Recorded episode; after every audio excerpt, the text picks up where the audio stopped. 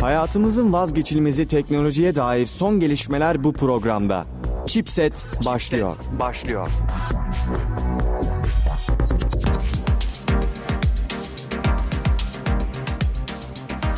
Merhaba sevgili dinleyiciler ben Fatih Canbekli. Haftanın teknoloji programı Chipset'in ilk bölümünden herkese çok selamlar. Önümüzdeki bir saat boyunca haftanın teknoloji gündeminden gündemine beraber bakacağız. Ee, şu an 16-13 Aralık arasında konuşacağız. O halde zaman kaybetmeden geçelim. İlk haberimiz yapay zekadan geliyor. Yapay zeka artık sahte videolar hazırlayabiliyor. Ee, sahte videolar hazırlayabilen yapay zekanın ilk gerçeklik insanın gerçeklik algısıyla oynayabiliyor. Ee, oldukça başarılı görseller hazırlayabildiğini söyleyebilirim. Ee, geceyi gündüz yapmak gibi fonksiyonlara sahip. GAN isimli algoritma ile çalışıyor ve görüntüye önceden e, erişmesine ihtiyaç duymuyor. Erişmeye ihtiyaç duymuyor. E, bu oldukça korkutucu bir teknoloji tabii ki de. Özellikle e, bu denli e, güçlü görseller hazırlayabilmek, insanın gerçeklik algısıyla oynayabilmek demek. E tabi hali hazırda zaten Photoshop gibi programlarda e, görüntü üzerine yapay zeka ile oynama yapıldığını görmüştük. Fakat bu e, çok daha ciddi bir iş gibi duruyor. Bakalım önümüzdeki günlerde muhtemelen çok daha e, büyük şeyler göreceğiz bu konuda. Bir sonraki haberimiz Bitcoin dünyasından geliyor. Ee, Bitcoin bürolarından biri olan NiceHash'in soyulduğu haberini aldık geçtiğimiz günlerde ve 64 milyon dolar değerinde Bitcoin çalındı. Ee, bu haberler çok şaşırtıcı geliyor bana açıkçası. Yani böyle bir şey nasıl mümkün olur? Ee, akıl alır gibi değil. Hani biraz Bitcoin'den bahsedelim isterseniz. Fazla bilgisi olmayan dinleyicilerimiz için. Bitcoin bir kripto para birimi aslında. Yani dijital bir para birimi. Herhangi bir sabit değere endekse değil e, bu para. E, örneğin kullandığımız normal paralar, dolar, Türk lirası gibi şeyler altına endeksli e, vaziyette alt azalıyor. Hani e, toprağın altındaki altın rezervleri belli, mevcut rezervler belli. Ama tabii bu e, endeksli olmaması durumu onu oldukça unstable, yani stabil olmayan bir şey haline getiriyor. Bu açıdan e, bütün kripto para birimlerinin fiyatlarının artıp azalması çok dengesiz bir biçimde oluyor. Bu tabii kripto para sistemini ilk kimin çıkardığı da enteresan. 2008 yılında 9 sayfalık bir PDF belgesiyle duyuruldu dünyaya. Ee, yazarının da kim olduğu e, oldukça şey e, meçhul. Fakat tabii çok hızlı bir şekilde yükselip alçalıyor. 2013'ten bu yana yaklaşık şu an 15 bin dolar civarlarında gelmiş olması lazım. Yüksek bir e, düzeyde. Zaten şu anda Steam gibi birçok dükkanlar, e, bazı mağazalar vesaire de Bitcoin ile alışveriş e, yapmayı destekliyordu. Tabii ki Steam geçtiğimiz günlerde e, Bitcoin ile alışveriş olayını durdurdu. Hani çünkü bu kadar dengesiz bir döviz üzerinden biz nasıl işlem yapacağız diye düşündüler herhalde. Yani şu anda gelişmeleri göreceğiz. Bakalım neler olacak. Merakla ben de bekliyorum. E, bu hafta e, başka bir önemli haberde Star Wars filminin çıkışı oldu. Star Wars Last Jedi geçtiğimiz gün itibariyle daha doğrusu bugün itibariyle vizyona girmiş durumda. E, efsanevi serinin bir sonraki bölümü de e, artık izlenebilir durumda sinemalarımızda. Oyuncu kadrosu gene aynı. E, Daisy Ridley, John Boyega, e, Mark Hamill gibi, e, Laura Dern gibi isimler oynuyor. Geçtiğimiz yıl hayatını kaybeden e, hangi roldeydi? Prenses Leia rolündeki hanım da e, filmde mevcut. Kendisini saygıyla anıyoruz. E, oldukça iyi bir oyuncuydu. Bakalım film oldukça güzel duruyor aslında. Ee, en son filmde finalin finalde Luke Skywalker'ı bulmuşlardı gezegende. O sahne için bile 10 küsür milyon lira para almıştı. Oldukça iyi bir meblağ. Bakalım e, filmin yorumları daha çıktıkça detaylıca göreceğiz. Kullanıcıların şarkıları, filmleri ve TV programlarını ve reklamları kısa ses klipleri üzerinden tespit etmesini sağlayan Shazam uygulaması artık Apple çatısı altına girmiş durumda. İddiaları dönen e, satın alma hamlesi iki şirket arasında resmiyete kavuştu artık. E, Apple şirketi Shazam'ın resmi sahibi. Ya Apple e, müzik stream servisini çok güçlendiriyor vaziyette şu anda. E, sürekli yeni atılımlar yapıyorlar. E, Spotify ile başlayan bir e, bu müzik stream servislerindeki dönen parayı anla, anladı Apple herhalde. Bunun üzerine önce Apple Müziğe duyurdu. Şimdi de artık Shazam'ı alarak Apple Müziği kuvvetlendirmeye çalışacaklardır. Tabii Shazam da oldukça e, güçlü bir yazılım. Çok ciddi miktarda kullanılıyor.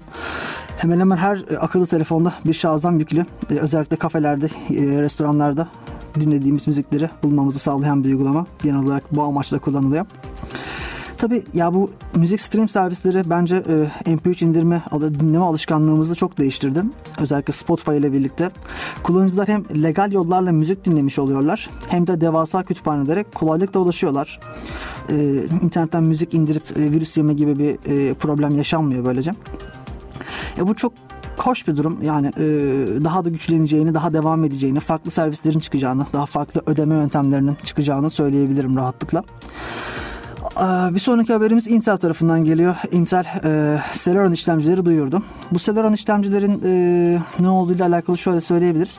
Daha düşük güç tüketen, daha düşük performansa sahip ama e, batarya süresine odaklanmış olan işlemciler e, bunlar. 160 MHz kanallar gigabit hızında e, yayın yapabiliyorlar. Ayrıca Wi-Fi'ları da geliştirildi bu yeni Celeron işlemcilerle birlikte. Gemini Lake mimarisi üzerine e, yapılmış cihazlar bunlar. Pentium Silver ve Celeron işlemciler. Ya tabii böyle e, dosya internet izleme, indirmek, e, internetten video izlemek daha akıcı bir hal alacak bu işlemcilerle. Genel zaten iş bilgisayarları üzerinde kullanılıyorlar. Çok iyi performans veriyorlar. E, ya performans veriyor derken iş bilgisayarı için konuşuyorum. Tabii bunlarla bir oyun oynamanız vesaire ya da video render etmeniz mümkün değil pek. Yani ya pil süresinin aslında bu işlemci üretiminde temel mesele olduğunu düşünüyorum ben. Çünkü e, geliş yani yapımcı firmalar genel olarak pil süresine odaklanmış durumdalar. Bu noktada işte e, Apple'ın yaptığı, Lenovo'nun yaptığı pil hamleleri var. Ya bugün bir MacBook'un e, şarjı rahat bir şekilde 10 saat gidiyor. Lenovo ThinkPad'lerde de benzer durumlar geçerli. E, bu nasıl mümkün oluyor? Tabii ki de işlemcinin daha az güç tüketmesi, daha az performans vermesi ile mümkün oluyor.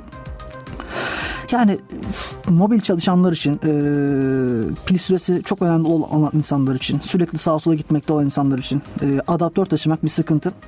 E tabi böylece e, direkt bilgisayarı alıp evden çıkabiliyorsunuz. Adaptör taşımıyorsunuz. Yani okula giderken, işe giderken bilgisayarı çantaya atıp adaptör takıp söküp takmakla uğraşmamak güzel bir şey.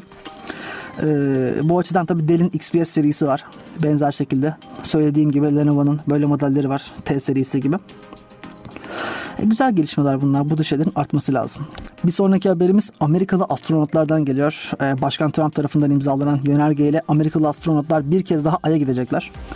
Basın toplantısı sırasında uzay araştırmalarının geleceği hakkında konuşan Trump, bugün imzalamış olduğumuz e, belge sadece bayrak dikme ve iz bırakmak için değil, Mars'a giden e, yolda dev bir e, uzay üstü kurmaya gidiyoruz şeklinde ifadeler kullandı.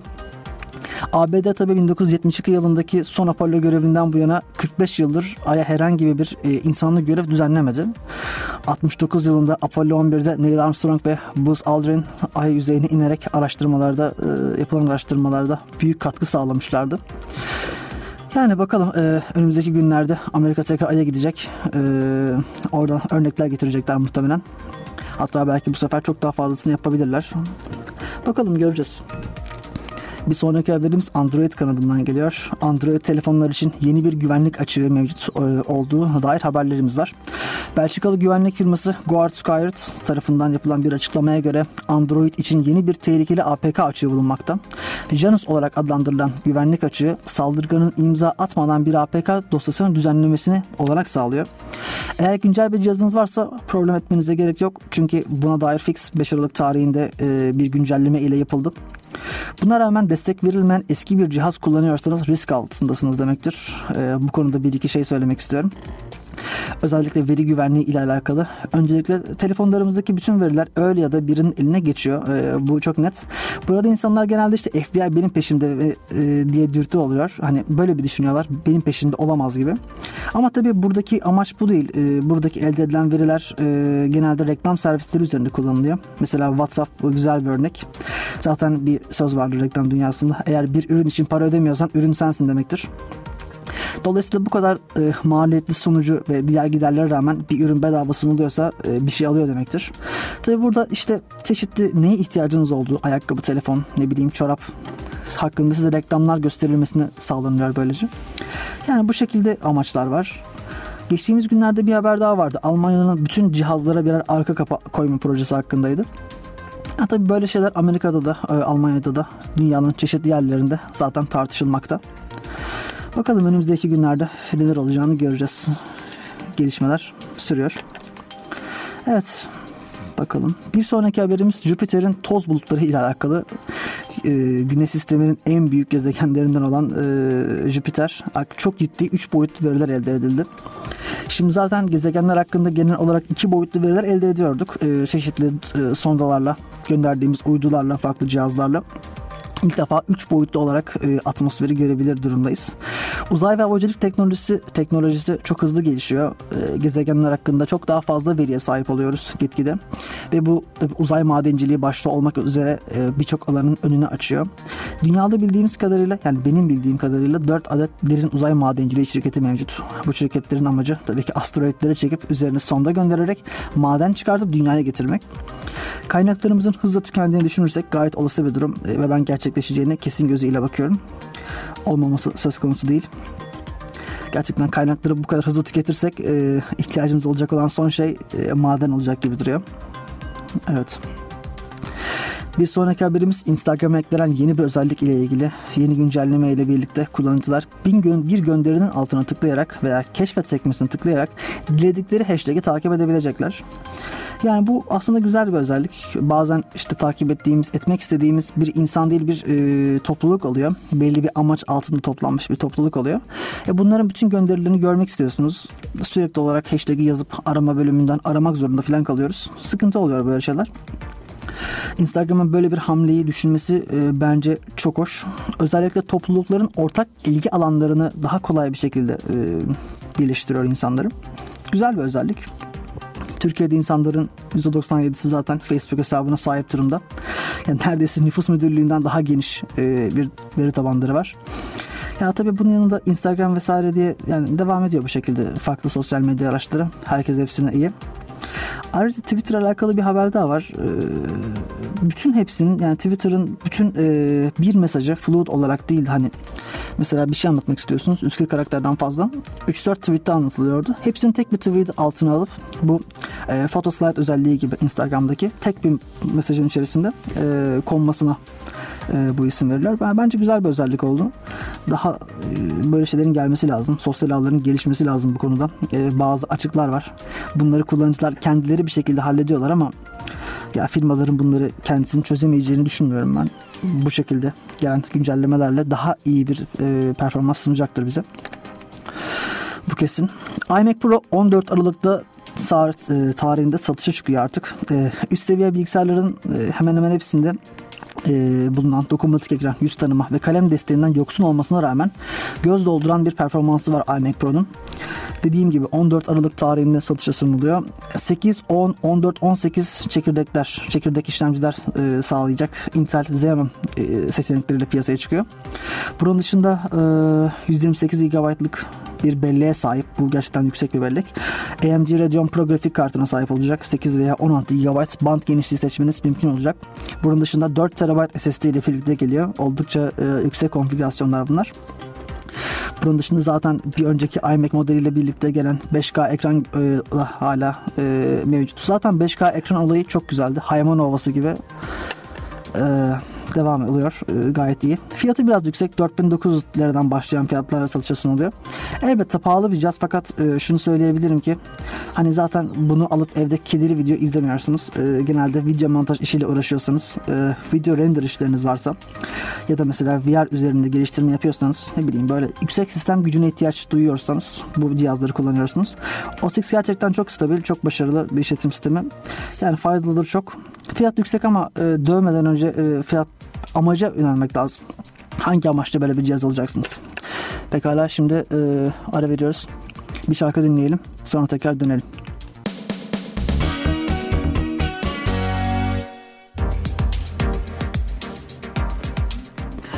Merhaba sevgili dinleyiciler. Tekrar sizinle birlikteyim. Ee, haftanın teknoloji gündemine, haberlerine bakmaya devam ediyoruz. Yeni haberimiz e, Quantum tarafından geliyor. IBM bildiğiniz üzere Quantum bilgisayarlar üretmeye başladığını açıklamıştı geçtiğimiz günlerde. Hatta bir bulut çözümü üzerinden bir prototipi yayınlamışlardı. E, bu prototipi e, deneyimleyebiliyordunuz üyelik açarak. Bir müzik e, nasıl desem servisi üzerinden. Şimdi yeni ve daha karmaşık olan e, 50 bit, kubitlik bir bilgisayar prototipi hazırladıklarını duyurdular. Bunlar 90 mikrosaniyelik e, yeni işlemcilerle işlem süresini yani e, hızını iki katına çıkartıyor. Öncesinde 20 kubitlik makineler kullanıyorlardı. Ya bu e, kuantum olayları aslında oldukça enteresan. Hani evrenin bir tarafından bir parçacığı alıyorsunuz. Evrenin öbür tarafındaki bir parçacık hakkında veri veriyor size. Bu fiziksel bir e, fenomen diyebiliriz bunun için. Bunun hakkında çok hızlı gelişiyor aslında. Fakat yani tam manasıyla çalışan bir kuantum bilgisayarı hiç yapılamayabilir bile. Ee, bunlar ne kadar kuantum bilgisayarı olarak lanse edilse bile tam manasıyla kuantum bilgisayarları değiller. Daha farklı şeyler bunlar. Ee, hızlı çalışan ve kuantum e, fikrine baz olarak çalışan normal bilgisayarlar aslında. Bakalım önümüzdeki günlerde çok daha e, detaylı şekilde göreceğiz bu tip şeyleri. Ee, bir diğer haberimizde sosyal medya ile alakalı özellikle Facebook ile alakalı Facebook Messenger Kids'i piyasaya sürdü. Bence harika bir hamle yaptılar. Çünkü yani 13 yaş altı bireylere bu servisin özelliği şu. 13 yaş altı bireylere ailesinin e, gözetiminde Messenger uygulamasını kullanma imkanı sağlıyorlar. Burada hem anne ve hem babası anne babasının izin vermesi kaydıyla arkadaş olabiliyor e, kullanıcılar başka kullanıcılarla e, çocuklar diyebiliriz. Bunlar ayrı bir chat uygulaması üzerinden konuşuyorlar. Onlara özel, onlara has, onlara uygun gifler, etiketler, maskeler oluyor. Tabi Facebook'un onay verdiği şekilde e, olan içeriklere erişebiliyorlar. Tabi Facebook muhtemelen e, görüntü işleme bazlı bazı teknolojileriyle çocuklara zarar verecek olan içerikleri e, sansürleyecektir bu noktada. Ya çok çok güzel bir hamle. E, özellikle zaten öncelikle ABD ve Apple Store'da hizmete sunulacak. E, Amerika pilot bölge olarak seçilmiş bu konuda.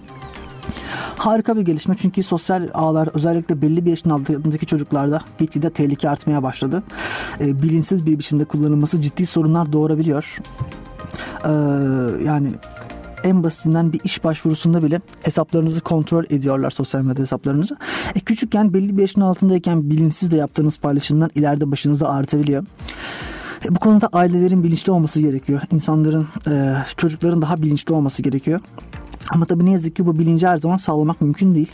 Bu açıdan Facebook'un yaptığı hamle çok doğru bir hamle bence. Messenger Kids ile e, ufak çocukları e, hedeflemeleri. Bu çocuklara daha güvenli, daha böyle e, stabil, daha böyle steril bir ortam sağlamaları çok e, yerinde bir hamle. Bir sonraki haberimiz e, çok sansasyonel bir isim son dönemlerde Elon Musk. SpaceX için yeni bir proje hazırlanmakta. Falcon 9 isimli roketi e, hem uzay kapsülü ile birlikte aynı anda uzaya fırlatacaklar. Fakat burada aslında SpaceX'in uzun zamandır e, önemlisi bir durum var. Tekrar kullanılabilirlik, roketin tekrar kullanılabilmesi ve buna da e, yoğunlaşacaklarını açıkladılar. Bu kullandıkları roketi tekrar dünyaya geri indirecekler. Yanında kapsül olmadan tabii ki de. Yani kapsülü bırakıp dönecek. Ve bu ilke imza atmış olacaklar. Çok e, enteresan bir iş. Tam 2177 kilogramlık bir kargoyu taşıyacak ve bu tarihi olarak nitelendirilen bir e, hareket. Biliyorsunuz daha öncesinde Boeing tarafından işte Elon Musk'ın yapamadığını yapacağız falan demişlerdi. Elon Musk'ı do it yapın hadi şeklinde bir tweet paylaşmıştı. Aralarında bir çekişme var aslında Boeing firmasıyla hatta NASA ile. Fakat SpaceX bence çok yenilikçi bir proje. Taşımacılık e, taşımacılık sektörünü baştan inşa edebilirler. Yani SpaceX, Tesla Motors gibi firmalar çok sansasyonel firmalar bunlar. Oldukça değişik şeylere imza atıyorlar. Zaten Elon Musk da e, acayip bir isim. Geçen günlerde yapmış olduğu Facebook'taki yapay zeka hakkında e, yapay zeka dünyayı ele geçirebilir yorumu, Matrix gibi olabilir yorumu vardı. Tabii bu olayda yani haklı olduğu yönler de var fakat yapay zeka dünyayı ele geçirebilecek düzeyde olduğunu açıkçası ben düşünmüyorum. Elon Musk Türkiye'ye de gelmişti malum geçtiğimiz günlerde. E, hatta Anıtkabir'in önünde bir e, resim paylaşmıştı. Çok e, övgü topladı bu resimle. SpaceX ve Tesla Motors gibi önemli firmaların sahibi biliyorsunuz. Bakalım ulaşım anlayışımızı tamamen değiştireceğini söylüyorlar. Hani İstanbul New York arası 20 dakika olacak falan roketlerle. Gelecekte belki de böyle şeyler mümkün olabilir. Yani heyecanla gelişmeleri bekliyoruz ve umuyoruz ki Facebook'un botları da dünyayı ele geçirmez. Evet. Bitcoin ile alakalı bir sürü haberimiz var. Fakat daha öncesinde Samsung'un amiral gemisi olarak tanıtılan Note 9'un biraz daha geç kalacağı ile ilgili bir haberimiz var. Note 9 e, beklenenin biraz daha uzun sürecek galiba piyasaya çıkması. Çünkü hani Apple zaten Apple diyorum Samsung zaten bildiğiniz üzere e, yenilikçi bir firma. Her üründe daha yenilikçi olmaya çalışıyorlar. Zaten Note 7 gibi bir e, problem yaşadılar. Ciddi bir sorun da onlar için. Bakalım önümüzdeki günlerde çok daha iyi modeller duyuracaklardır. Şubat'ta duyuruyorlardı normalde e, Note 9'u. Hani yeni Note modellerini fakat bu yıl e, muhtemelen Mayıs'a kadar yeni bir Note haberi duymayacağız. Bunun dışında kapaklı bir telefon duyuruları var. Ee, Ya tasarım da değiştirdiler malum. Note 7'nin üzerine Note 8'de e, ince uzun bir tasarım tercih etti e, Samsung. Bu ben dahil olmak üzere biraz eleştiri aldı. Yani iPhone X'in yaptığı e, sektörü ileri taşımayı bence yapamadılar. Yani home tuşunun olmadığı bir tarafını ben kullanmayacağımı söylüyordum fakat gayet de güzel kullanabildiğimi fark ettim. E, oldukça kullanışlı. Hani Apple bu noktada çok büyük sansasyonel bir şey yaptı ve başardığını söyleyebilirim. E, bu işi vurulmadan kurtuldu diyebiliriz. Zaten bundan önce de MacBook Pro modellerindeki e, USB bağlantılarını çıkarıp hepsini C-Type'a çevirmişlerdi. Konverter alıp kullanıyoruz filan. Yani çok yenilikçi bir firma e, Samsung'da, Apple'da. Yani bakalım e, tasarımda bir değişiklik olmayacaktır. Ben değişiklik olmasını beklemiyorum yeni Samsung'da, yeni Note'da. Ama tabii işlemcisiyle, e, RAM ile, diğer başka çevre bileşenleriyle çok daha stabil, çok daha kuvvetli bir bilgisayar ile, e, telefon ile karşılaşacağımıza eminim. Bir sonraki haberimizde e, akıllı ürünler ile alakalı. Biliyorsunuz artık nesnelerin interneti çağındayız. Sanayi 4.0 ile birlikte çok daha fazla akıllı cihaz hayatımıza giriyor. Ne bileyim işte akıllı mikrofonlar, akıllı saatler, akıllı ayakkabılar dahi var. E, attığınız adımları sayarak veri toplayan, veri gönderen akıllı saatler. Tabii bunların e, en yenisi de akıllı bir iğne. Evet cerrahi iğne. Bu iğne sayesinde iğnenin battığı noktadan ultrasonik görüntü almak mümkün olacak. Bu özel olarak tasarlanmış bir cerrahi iğne tabii ki de. Fiber optik kablo ile çalışıyor ve e, ultrasonik darbeler göndererek çevrenin bir haritasını yapıyor. Yumuşak dokunun bir haritasını yapıyor. Yani tabii böyle şeylerin artması güzel. E, hakkımızda çok daha fazla veri topluyor artık bilgisayarlarımız, cihazlarımız, kullandığımız her şey. Yani e, geçen günlerde çalışanların boyunlarına çip takan bir firma vardı yemekhaneye girişler için. Yani bakalım ilerleyen günlerde e, çok daha fazla şey göreceğimizi tahmin ediyorum bu konuyla alakalı. Farklı konularıyla alakalı. Pekala şimdi bir şarkı dinleyelim. Daha sonra haberlerimize kaldığımız yerden devam edelim.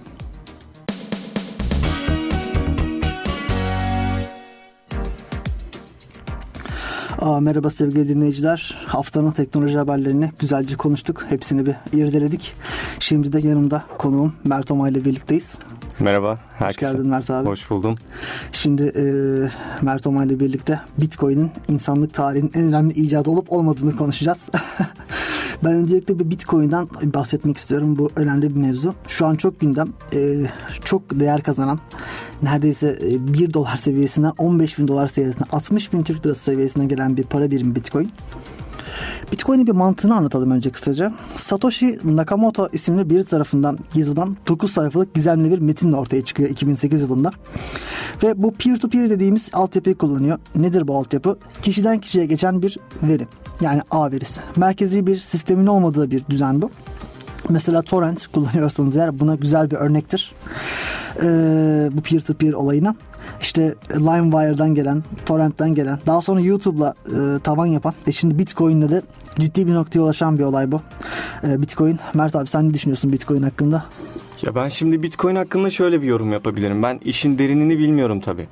Yani insanlar ne biliyorsa ben de o kadarını biliyorum ama inanın ya bu Bitcoin e, sanırım e, elle tutulabilen somut bir para birimi değil değil mi? İnternet para birimi bu. Evet ya öyle bir durum var. Mesela e, Bitcoin tuttuğunuz site kapanırsa Bitcoin'leriniz gider. Hmm. Böyle bir durum var yani. Tamamen sanal yani. Tamamen sanal. Hiçbir fiziksel karşılığı yok. Hatta şöyle söyleyeyim bir değeri de yok aslında. Hı hı. Yani bir bitcoin üretmek aslında bir firma için bilgisayardaki sıfırı silip yerine bir yazmak da aynı şey. Ya böyle bir şeyin bu kadar değerli olması da enteresan değil mi sence de? Çok enteresan. Yani işte e, ben 3-4 sene önce falan bu Bitcoin mevzusunun çok fazla gündeme geldiğini bir hatırlıyorum. Ama o zamanlar bu kadar e, 10 bin dolarlar seviyesinde değildi. Son dönemde işte 10 bin 15 bin dolara kadar çıktı galiba. 15 ee, tekrar gündeme geldi. İnanılmaz bir artış yani. Hakikaten borsadan daha hızlı yükselen acayip bir şey yani. Zaten şu anda da Bitcoin borsası kurulması konuşuluyor. Ee, hani nasıl yaparız, nasıl ederiz diye. Bunun üzerine konuşuluyor. Ya gerçekten enteresan bir para birim. Zaten yani şu da var. Bütün trafiği de indirebiliyorsunuz bilgisayarınıza. Şu an Bitcoin'in çıktığı andan şu ana kadar bütün alışverişlerin hepsini 148 GB'lık bir dosya içerisinde e, görüntüleyebiliyorsunuz. Bunun hepsini indirebiliyorsunuz. Biraz bakkal defterlerine mi benziyor bu konuda? Bütün yani açık kaynak bütün insanlar bütün verilere ulaşabiliyor. Yani değişikmiş hakikaten. Sanki böyle herkes olan bir bakkal defteri Evet. e, havası var değil mi? Evet. Yani hakikaten öyle. Ya bu Bitcoin'le peki Bitcoin nerelerde kullanılıyor şu an? Tamam Bitcoin Bitcoin diyoruz ama hani bu nerede, nerede kullanılıyor? Alışveriş yaparken mesela yani bildiğimiz popüler alışveriş siteleri falan Bitcoin kabul ediyor mu? Yani Steam mesela Bitcoin'le oyun alabiliyor musun? Yani nasıl bir kullanım alanı var bunun? Abi Bitcoin, Steam mesela örnek güzel bir örnek. Steam Bitcoin ile alışveriş yapmaya imkan veriyordu. Fakat deneyen bir tanıdığım oldu benim ve kendisinin söylediği şey şu. Oyunun fiyatı kadar bir de masraf yapıyorsunuz Bitcoin transferi için. Ve bir de tabii Steam yani şey yapmayı düşünmüyor. Adam bu kadar dengesiz bir e, döviz ile alışveriş yapılmasını uygun görmedi e, çok net bir şekilde ve bunu kapattılar. Artık yapamıyorsun. Fakat farklı noktalar var. Ya bu Bitcoin'in bir de şu olayı çok önemli. Takip edilemiyor olması. Kimden kime gittiği belli ama o kişilerin kim olduğu belirsiz. Dolayısıyla hani e, paranın transfer eden kişinin ve edilen kişinin bilinmesini istenmediği durumlarda kullanılan bir para birimi olduğunu biliyorum. Zaten buna blockchain deniyor. Ee, ya düşünsenize ilk alışverişten bu yana tüm alışverişleri şu an aktif olarak görüntüleyebilirsiniz ve bunlar senkronize oluyorlar. Ne düşünüyorsun bu konuda? Ya bu e, bilinmeme durumu galiba şey e, Deep Web olaylarında e, çok gündeme gelmişti. Ben öyle hatırlıyorum. Deep Web'de çok kullanılan bir para birimi değil mi bu? Çünkü tamamen anonim bir ortam. Ya bu Deep Web zaten çok e, ülkemizde de çok meşhur olan bir kavram. Derin internet, internetin e, Google'ın e, endeks indekslemediği sayfalar, web sayfalarının görüntülenmesi mevzuları. E tabi oralarda kullanıldığı çok net yani. e, çünkü kaynak yok. Nereden gidiyor, nereye gidiyor bu belli değil. Evet. Hatta kara para aklama üzerine vesaire gibi mevzularda dahi kullanıldığı hakkında söylentiler var. Zaten bu yüzden devletler genel olarak buna e, mesafeli duruyorlar. Haberlerini görüyor, yasaklama haberleri falan görüyoruz. Çeşitli bölgelerden gelen. Ya- Peki ben bir şey sorabilir miyim? Yani bunu gerçekten merak ediyorum. E, ya bu Deep Web'in bu şey Deep Web diyorum ya bu Bitcoin'in bu yükselişi nereye kadar gidecek? Yani şimdi 15 bin dolar bu mesela 100 bin dolar olacak mı günün birinde yoksa bu bir balon şişti şişti günün birinde sönecek mi yani? Şimdi burada e, yatırım tavsiyesi vermeyelim ama ya bu çok belirsiz. Çünkü dediğin gibi hani toprak altındaki altın miktarı 3 aşağı 5 yukarı belli. Dünyadaki altın rezervleri belli. Doların ve Türk lirasının ya da işte e, dinarın diyeyim ya da yengin e, nereye gideceği, nereden geleceği belli 3 aşağı 5 yukarı. Ama Bitcoin'de böyle bir şey söz konusu değil. Bu arz talep ekonomisi. E, önümüzdeki günlerde Bitcoin madenciliğine e, olan ilgi artarsa, Bitcoin e, ile ilgili ilgi artarsa, e, yasaklamalar gelmezse mesela, bu iş devam ederse e, artacağını söyleyebiliriz aşağı yukarı. Fakat yani birçok ekonomist de patlayacağını söylüyor. Ya bu şey bir iş birazcık. e, çok belirsiz. Çok parametrelerin belirsiz olduğu bir olay. Şey anlatmak istiyorum. Nasıl kazıldığını anlatmak istiyorum birazcık. Çünkü çok merak edilen hani e, gideyim Eskişehir'de bir tane atölye kırayım 10 tane bilgisayara paralel bağlayayım bitcoin kasayım zengin olayım e, muhabbetleri dönüyor çünkü çok fazla E, bunlardan da bahsedelim ya bitcoin için bir hash algoritması var içerisinde bu hash algoritması bir tür şifre metodu bu şifreyle e, şifreyi bilgisayarınıza kırdırarak aslında Bitcoin'in çalışması için gereken bir işlem yapıyorsunuz dünya çapında çalışması için. Bunun karşılığında ise ödül olarak bir Bitcoin sağlıyorlar. Böyle miktar elinizdeki para bitkini arttırabiliyorsunuz. Fakat şu var bir elektrik harcıyorsunuz. Bir donanıma ihtiyacınız var. Bu konuda genelde ekran kartlarını paralel bağlayarak e, kullanıyorlar. Hatta son günlerde ekran kartı piyasasında fiyatlar tavana fırladı. Çünkü herkes ekran kartı alıyor e, bu bitcoin madenciliği için. Çok ciddi miktarlarda ekran kartı alınıp satılıyor. Böyle yani kazılması böyle.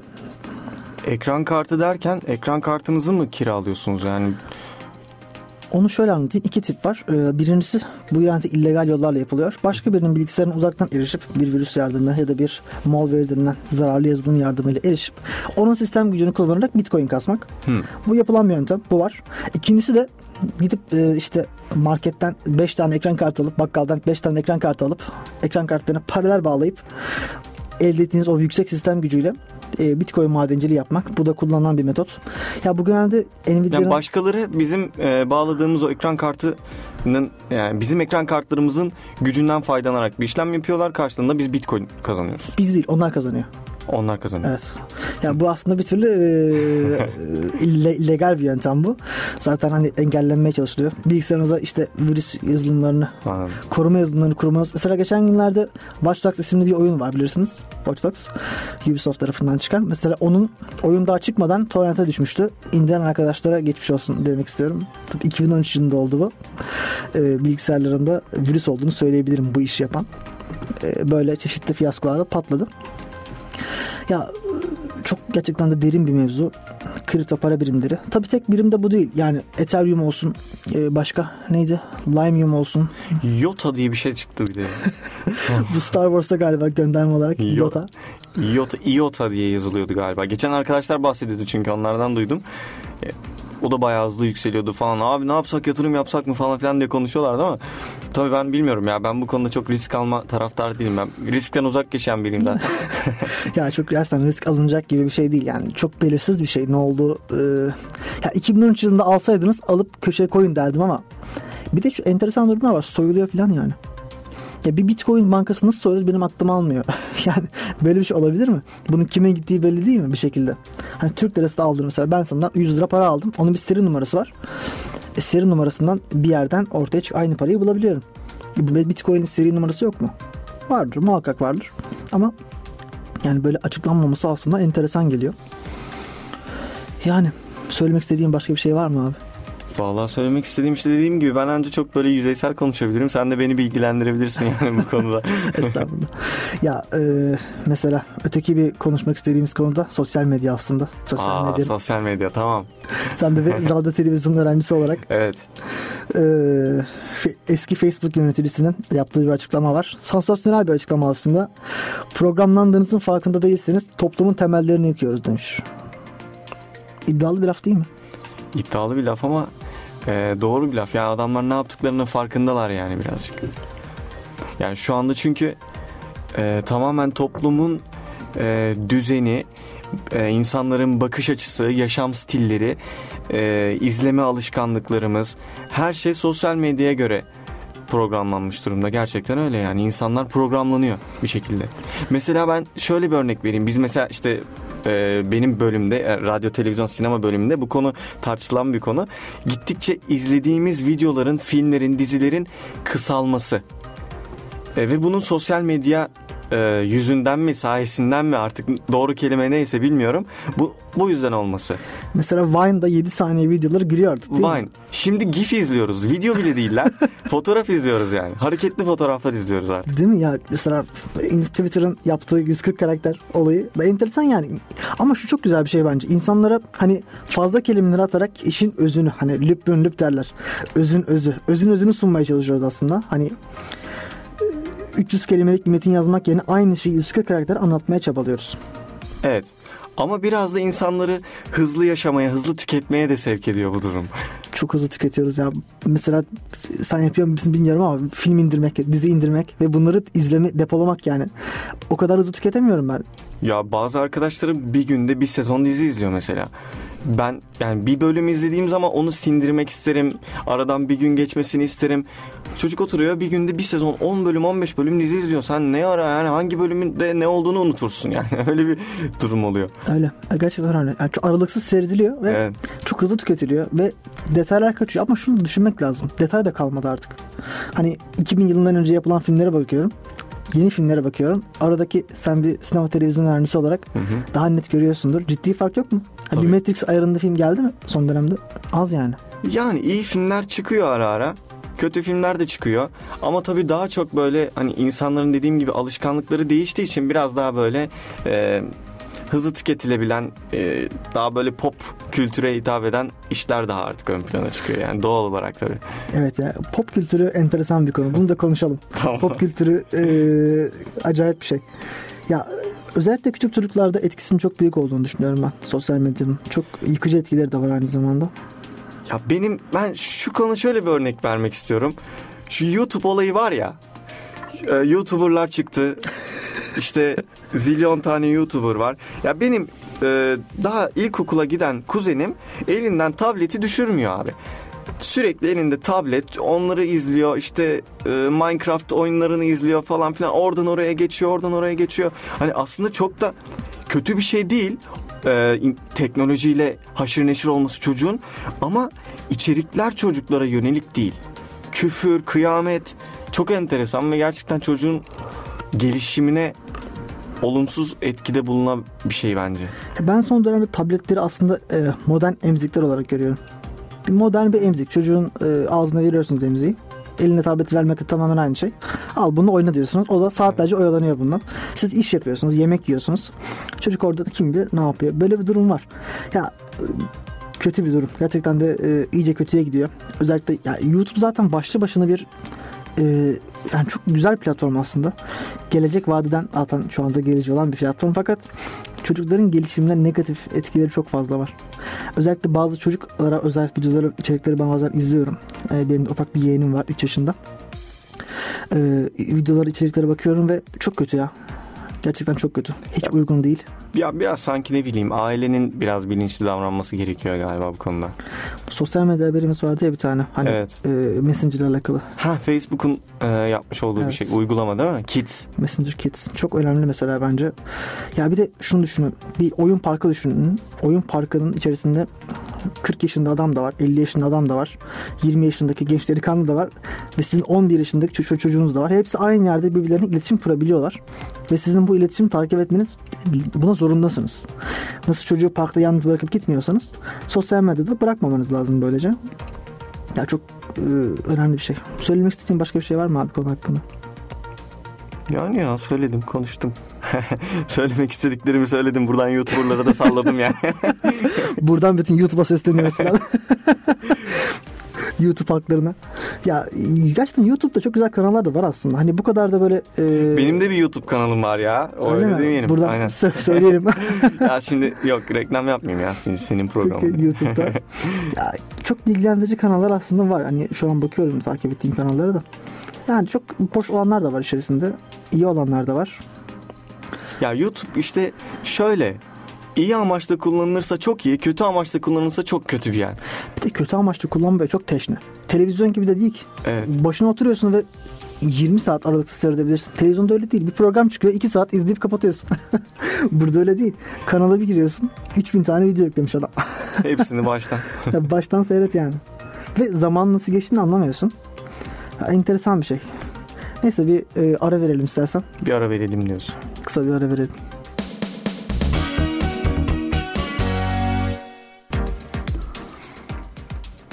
Evet sevgili dinleyiciler programımızın e, sonuna geldik. Haftanın teknoloji gündemini konuştuk. Mert Omay ile birlikte sosyal medya ve bitcoin'i konuştuk. E, güncel haberleri paylaştık. Artık ufaktan programımızın sonuna geldik. Bizi dinlediğiniz için çok teşekkür ederim. İlk programımızdı. Sürçülisan eylediysek affola. Ee, artık önümüzdeki programlarda görüşmek üzere. Herkese selamlar. Hayatımızın vazgeçilmezi teknolojiye dair son gelişmeler bu programdaydı. Chipset sona erdi. Sona erdi.